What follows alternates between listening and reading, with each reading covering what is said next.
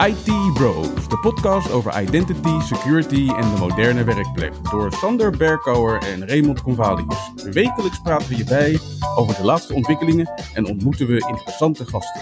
Volg onze podcast op Spotify of iTunes en stel je vragen op Twitter, ITBrosNL. Ik ben Raymond Convalius. En ik ben Sander Berkouwer. Welkom bij aflevering 7 van de IT Bros podcast. Met deze week het laatste IT Pro nieuws, een oude bekende waar we mee over certificeringen discussiëren en uiteraard weer een nieuwe Windows Productivity tip van de week.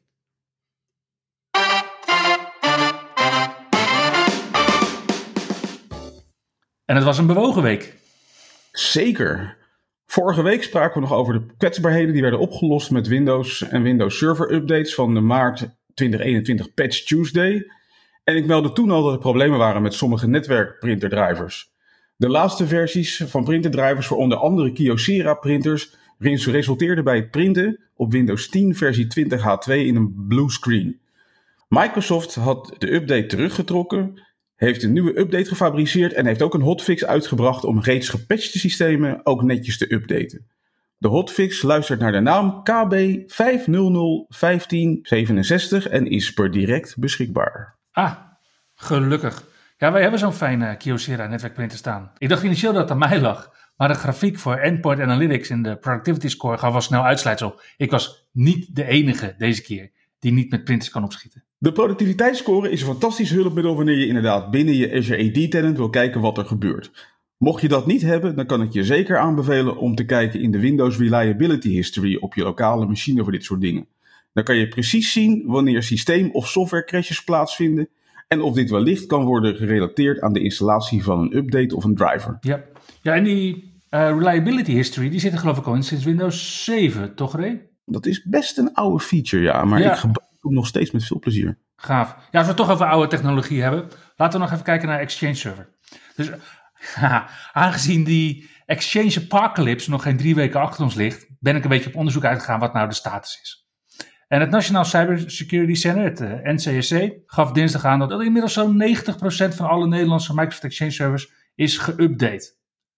Maar dat betekent dus dat er nog minimaal 1200 Exchange server installaties kwetsbaar zijn in Nederland. En ik vermoed dat dat niet alleen maar de publiek toegankelijke Exchange Server installaties zijn. We hebben het dus, denk ik, met die 1200 niet eens over al die Exchange Server installaties die organisaties nog steeds draaiend houden, omdat ze eenmaal Azure Connect hebben. En de lekken zitten in Outlook Web App, uh, Outlook on the Web heet dat ook wel. En dat is dus een van de weinige features die je niet op een Exchange server kunt uitschakelen.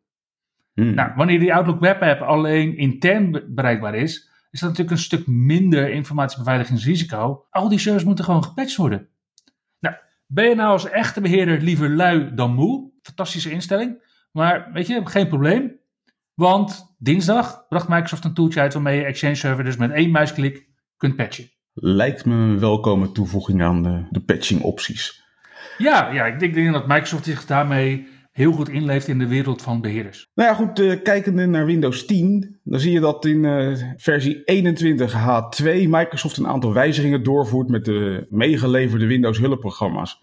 Met name de ondersteuning voor 3D-design weergave lijkt een minder prominente rol te krijgen binnen het besturingssysteem. Dus uh, Paint 3D en de 3D-viewer dat worden in nieuwe installaties een optionele toevoeging en verschijnen niet meer standaard in het startmenu van Windows 10. Ja, dus dat betekent dat je inderdaad je werkplekontwerp weer eventjes mag uh, gaan, uh, gaan refreshen op dat gebied. Ja, en ik weet niet, misschien dat die 3D-gasten ook allemaal Macs gebruiken tegenwoordig? Nou ja, ik denk dat 3D gewoon niet zo groot is geworden als Microsoft had gehoopt toen ze ermee begonnen. Ja, want ze begonnen er. Uh, wat is, is dat die, die full update geweest? was de, Windows 10 Creator Update, heette oh, dat. Creators Update. Ja, precies, daar zat het in. Is ook alweer een tijd geleden, man. Echt wel. We worden oud. Ja, kijk, en als we het hebben over oud ik, ik weet nog, uh, ik, ik weet nog gewoon mijn eerste compact server, ik weet nog mijn eerste Dell server die ik installeerde. En dus toevallig wel leuk, want die compact server die ik als eerste implementeerde met NT4, is ook de eerste server die ik uitfaseerde. Dat was, uh, ja, dat was ook wel een mooi gevoel. Nou, als je het dan hebt over Dell. Dell heeft een nieuwe generatie PowerEdge servers aangekondigd. Ze hebben 17 nieuwe servers voorgesteld, waarvan vooral het stroomverbruik is verbeterd. En Dell rapt dan over 60% minder stroomverbruik, wanneer je de servers vergelijkt met de vorige generatie. En beheerders die het snappen, die hebben al heel veel IT-functionaliteit herverpakt of verplaatst naar cloud-functionaliteit. Maar wanneer jouw organisatie, om wat voor reden dan ook, nog steeds met fysieke servers aan de slag is, dan is deze generatie extra goed nieuws. Een van de voordelen van cloud, dat betalen naar gebruik, dat komt ook voor fysieke workloads nu binnen handbereik met Dell as a Service en Flex on Demand. Dus naast Infrastructure as a Service, Platform as a Service en Software as a Service, is er dus nu ook Dell as a Service. Nou, ik snapte al dat gedoe met uh, private cloud nooit zo goed. Maar ja, met deze service uh, snap ik het beter. Ja, goed, uh, voor, als we het dan toch over beheerders hebben. Beheerders die afgelopen maandagavond iets langer doorwerkten, die hebben maandagavond misschien wel gemerkt dat er uh, iets niet helemaal goed ging met uh, Azure AD. Omdat Azure AD als identity platform dient voor Microsoft 365 en Azure diensten, hebben mensen in Noord, Midden en Zuid-Amerika echt een deel van de dag mogen duimen draaien. Ja, de vorige keer dat dit gebeurde was in september 2020. Dus ja, vooralsnog is de uptime gewoon vergelijkbaar met de gemiddelde on-premises Active Directory omgeving die ik tegenkom. Ik neem aan dat Microsoft niet zo flauw is om een stagiair de schuld te geven van deze outage. nee, zeker niet. Nee, en ook niet van wachtwoordwijzigingen of zo. Zoals uh, SolarWinds 1, 2, 3. Nee, in plaats daarvan kiest Microsoft er wederom voor om het boetekleed aan te trekken en volledige openheid te geven over wat er misging. Er is nu nog slechts voorlopige informatie beschikbaar. Die wijst op een foute manier van automatiseren van een certificaatwissel. Maar ik verwacht binnenkort de officiële informatie. En wanneer die officiële postmortem binnen is, ja, dan uh, gaan we die uiteraard bespreken. Ik ben toch wel benieuwd wat ze nu uh, voor excuus kunnen opvoeren voor een uh, ja, toch wel major outage op zo'n groot platform. Ja. Nou, deze week kwam Microsoft met de Windows 10 Insider Preview versie 21.337 uit voor de 21H2 versie van Windows 10 in het Dev Channel. Met deze keer een aantal wijzigingen die meteen in het oog springen. Zo veranderde de spacing in de verkenner met meer ruimte tussen de bestanden in de lijst. Ik ben er nog niet uit of dat een verbetering is en er kwamen wat nieuwe icons.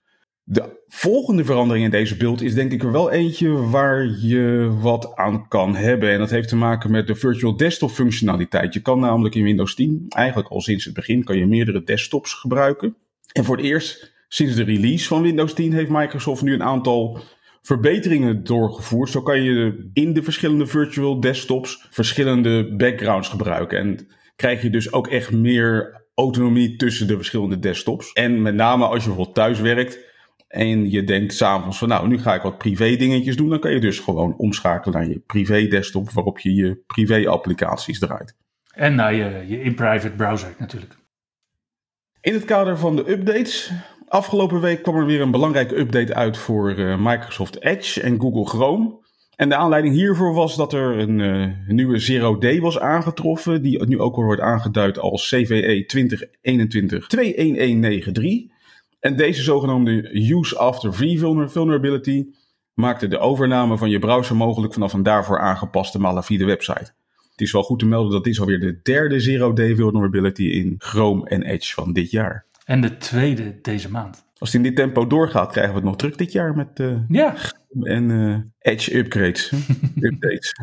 Ja, we gaan sowieso naar elke vier weken toe. Dus het wordt, het wordt al spannender. Het is niet voor niks waarschijnlijk.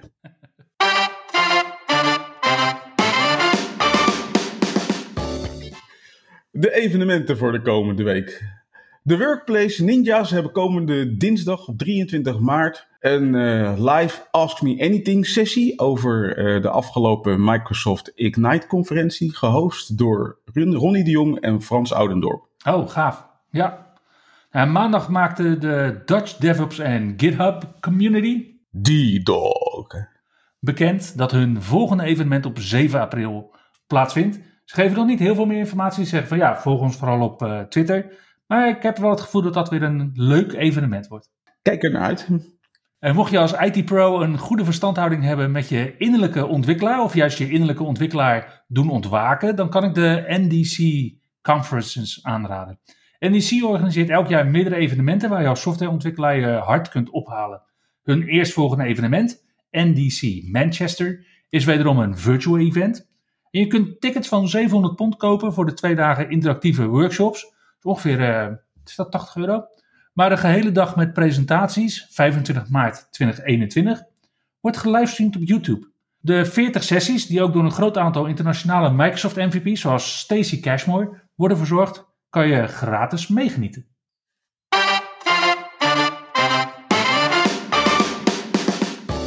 Voor deze aflevering hebben we een speciale gast uitgenodigd, namelijk Alex de Jong. En Alex is een, een, een welbekende trainer op het gebied van Microsoft technologie. Welkom Alex, uh, welkom in de IT Bros podcast. Ja, dankjewel. Erg cool dat ik erbij mag zijn. Um, voor deze uitnodiging hebben we je uitgenodigd omdat je bent, ja, net wat ik zei, een, een bekende trainer. Zeer ervaren trainer kan ik wel zeggen.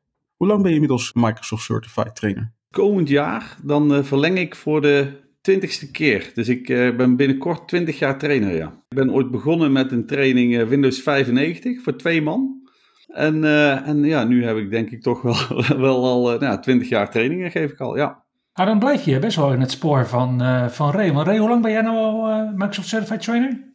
Ik heb dit jaar voor mijn 22e jaar verlengd. Gaaf. Ja, nee, ik zit op, op 7. Zo, ja, maar Raymond, je bent ook wel echt, nou ja, je, bent, je bent ook al super ervaren natuurlijk, hè? Ik heb niet alle jaren evenveel trainingen meer gegeven. Zeker niet, zeg maar, na 2007, zeg maar. Is dat wel op een lager pitje terechtgekomen. Maar ik doe het nog steeds af en toe. Nog steeds leuk om het te doen.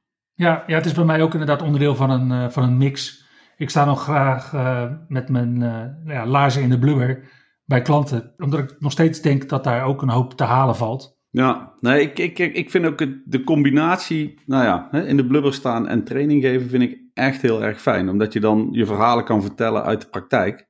En dat scheelt echt enorm veel met ja, mensen die alleen maar de boekjes kunnen herhalen en, en voorlezen. Dat is echt een andere manier van training geven. Ja, en ik geloof ook dat je op een gegeven moment als, als IT-pro bijvoorbeeld niet verder kan groeien dan, uh, dan door inderdaad les te geven, dan door te delen. Ja, ik, ik merk dat absoluut. En het is, weet je, het, het leuke is, het, het werkt echt twee kanten op. Want op het moment dat je op een consultieklus zit en het werkt even net allemaal anders dan dat je het verwacht, nou dan ga je terug naar je theorie in je hoofd en dan troubleshoot je gewoon echt tien keer zo makkelijk.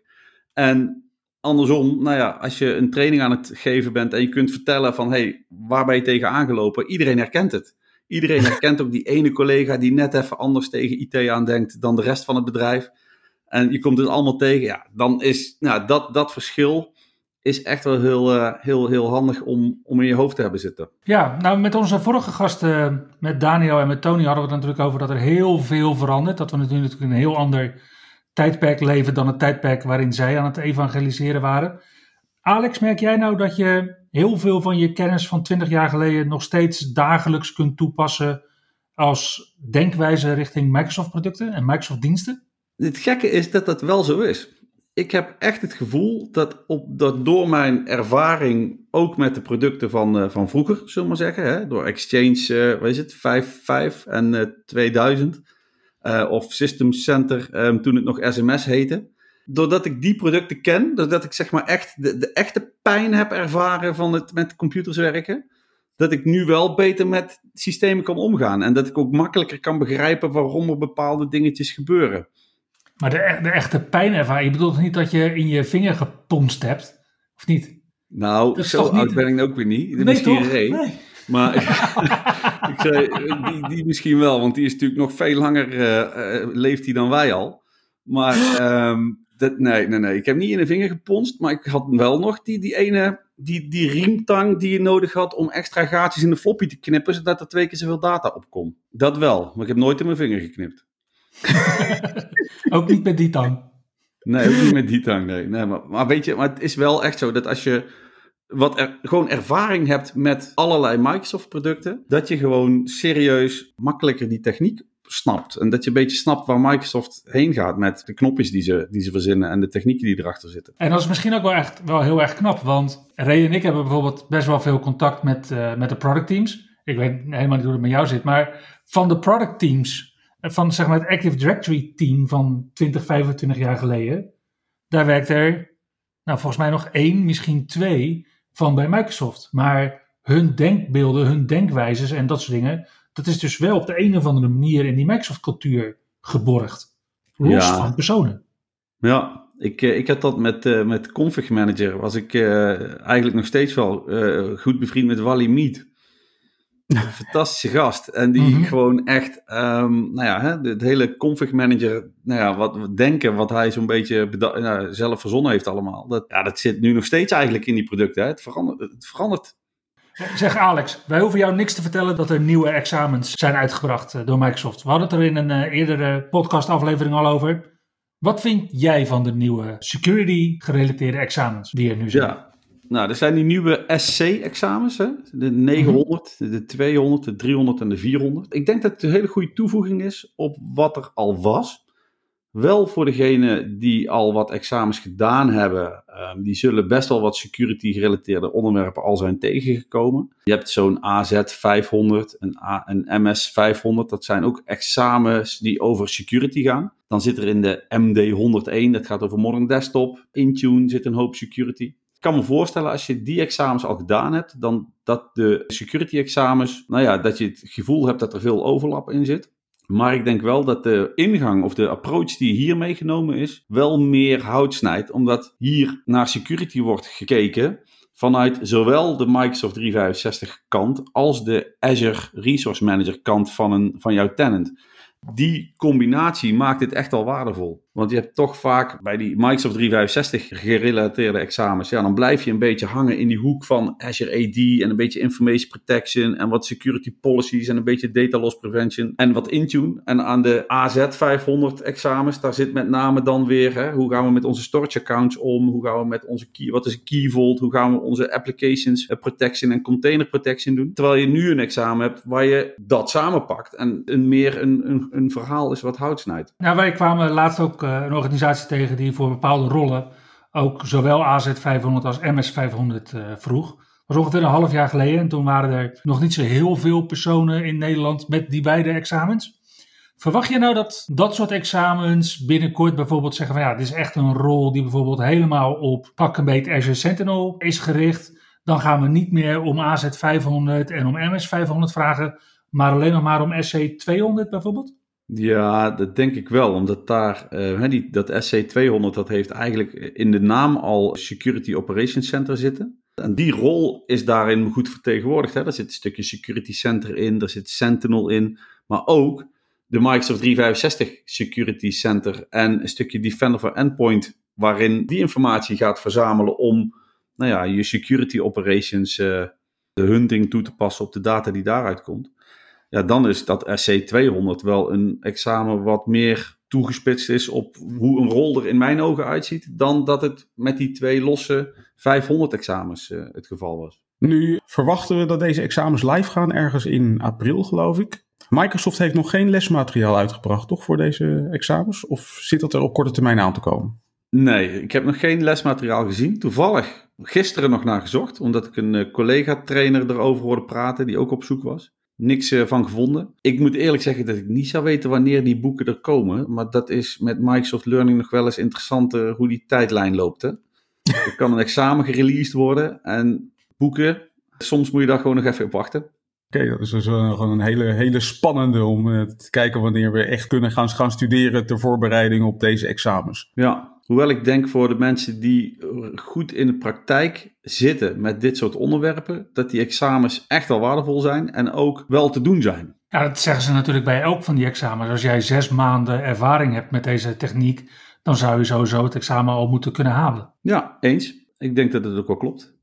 Ja, Dus, maar die eh, zes maanden, daar hebben wij ook, eh, hebben Ray en ik ook al een beetje over gefilosofeerd. Want als je, ja, als je eigenlijk elke zes maanden aan een nieuw product begint, dan zou je dus ook bijvoorbeeld twee IT Pro-examens per jaar kunnen doen en die dus ook eh, succesvol kunnen behalen.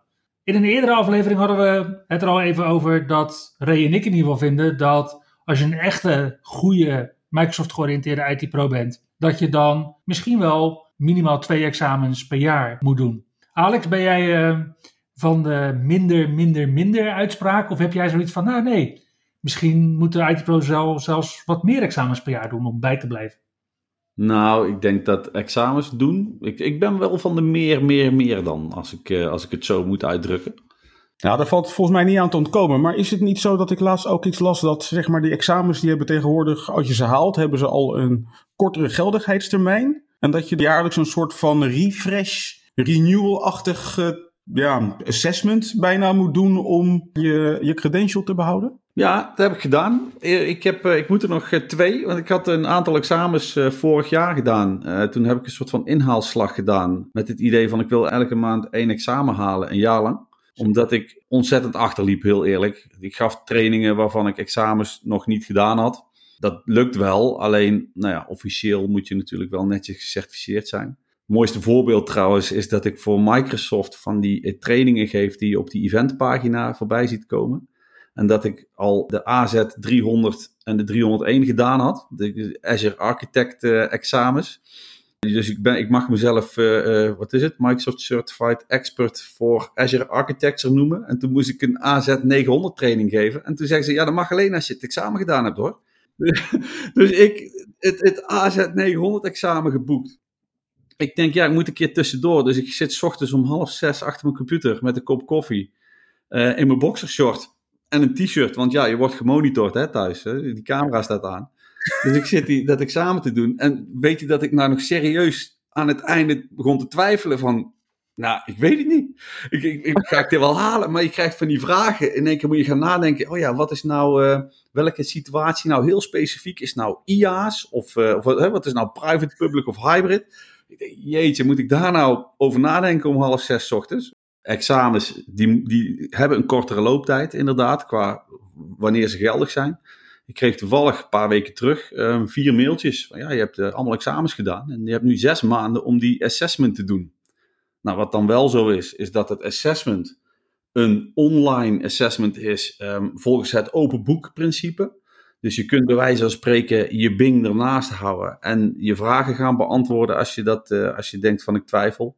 Er zit ook geen tijd uh, op. Hè? Dus het is niet zo dat je dat binnen een bepaalde tijd af moet hebben. Tenminste, ik zag niet van die knoppen voorbij komen dat ik een haast moest maken. Dus ik heb nu inmiddels twee van die assessments gedaan.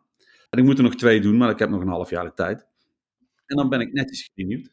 Continuous learning is wat dat betreft wel super belangrijk. Ik zou eigenlijk het mooiste vinden als je bij wijze van spreken, al is het maar iedere twee maanden vijf vragen moet beantwoorden. Maar wel in een soort van officieel systeem zodat je zou kunnen blijven aantonen van, hé, hey, ik ben met die techniek bezig.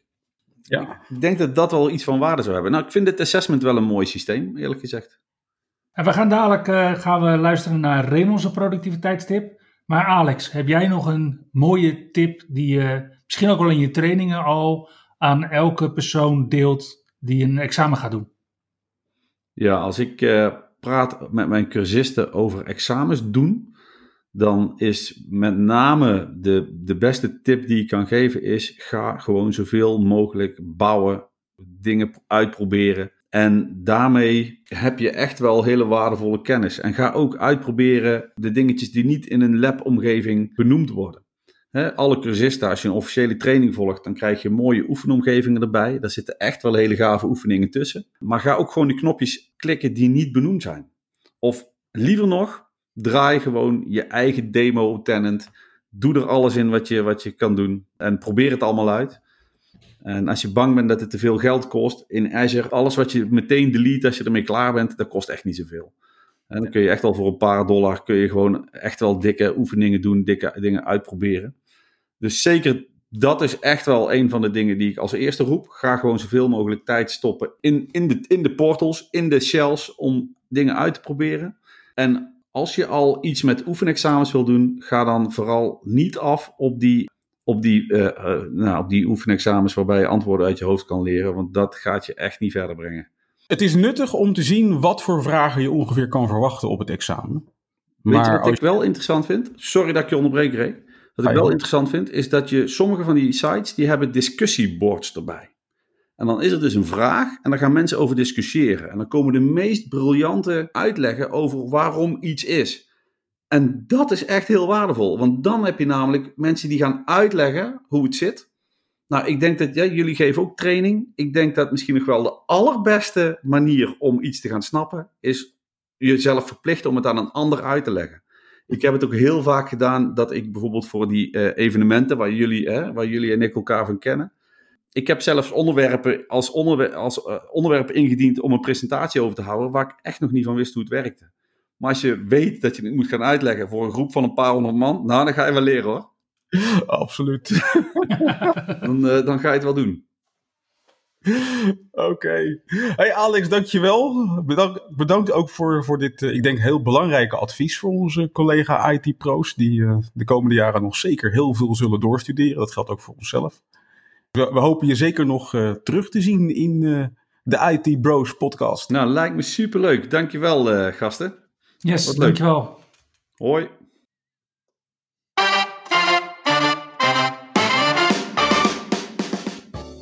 Hey Ray, wat is de productiviteitstip voor deze week? Nou, de tip van deze week is geen toetscombinatie, maar een functionaliteit van de moderne browsers Edge en Chrome. Namelijk de Progressive Web App, of afgekort de PWA. Ah, ja, daar hebben we het al een aantal keer over gehad. Dus dat is wel mooi dat we dat nu inderdaad uh, wat meer toelichten. Ja, want het is echt wel heel nuttig gebleken, heb ik gemerkt. Een PWA is een shortcut naar een webpagina die zich vervolgens in Windows presenteert als een applicatie. In Edge maak je heel simpel een PWA van een ondersteunende webpagina door te klikken op de drie puntjes rechtsboven in je scherm en dan te kiezen voor apps. Install this site as an app. En vervolgens kies je voor install. In Google Chrome kies je voor meer hulpprogramma's in het Nederlands. Snelle link maken waarna er een venster verschijnt, snel koppeling maken met de optie openen als venster. En klik hier dan op de knop maken. De PWA staat hierna in je startmenu. Dus je ziet gewoon een applicatie in je startmenu. Ik gebruik de PWA met name voor online versies van Outlook en Teams. Maar ook WhatsApp laat zich bijvoorbeeld prima installeren als een progressive web app. Je moet het gewoon proberen in een webpagina die je tegenkomt en denkt, deze bezoek ik vaker. Progressive Web Apps houden rekening met je browserprofiel, dus je kan webapplicaties met verschillende identities op je desktop zetten. Bijzonder handig voor Teams bijvoorbeeld, waar je maar lastig kan wisselen als je meerdere accounts hebt. Ja, super nuttig. Dankjewel Ray. Graag gedaan. En daarmee zijn we weer aan het einde van deze uitzending gekomen. Hopelijk hebben jullie het leuk gevonden en wellicht tot volgende week. Tot volgende week. Je luisterde naar IT Bros, de wekelijkse podcast over identity, security en de moderne werkplek. Abonneer je op Spotify, iTunes of Google Podcast als je de volgende aflevering niet wilt missen. Heb je hints of tips? Laat dan van je horen op Twitter. @itbrosnl.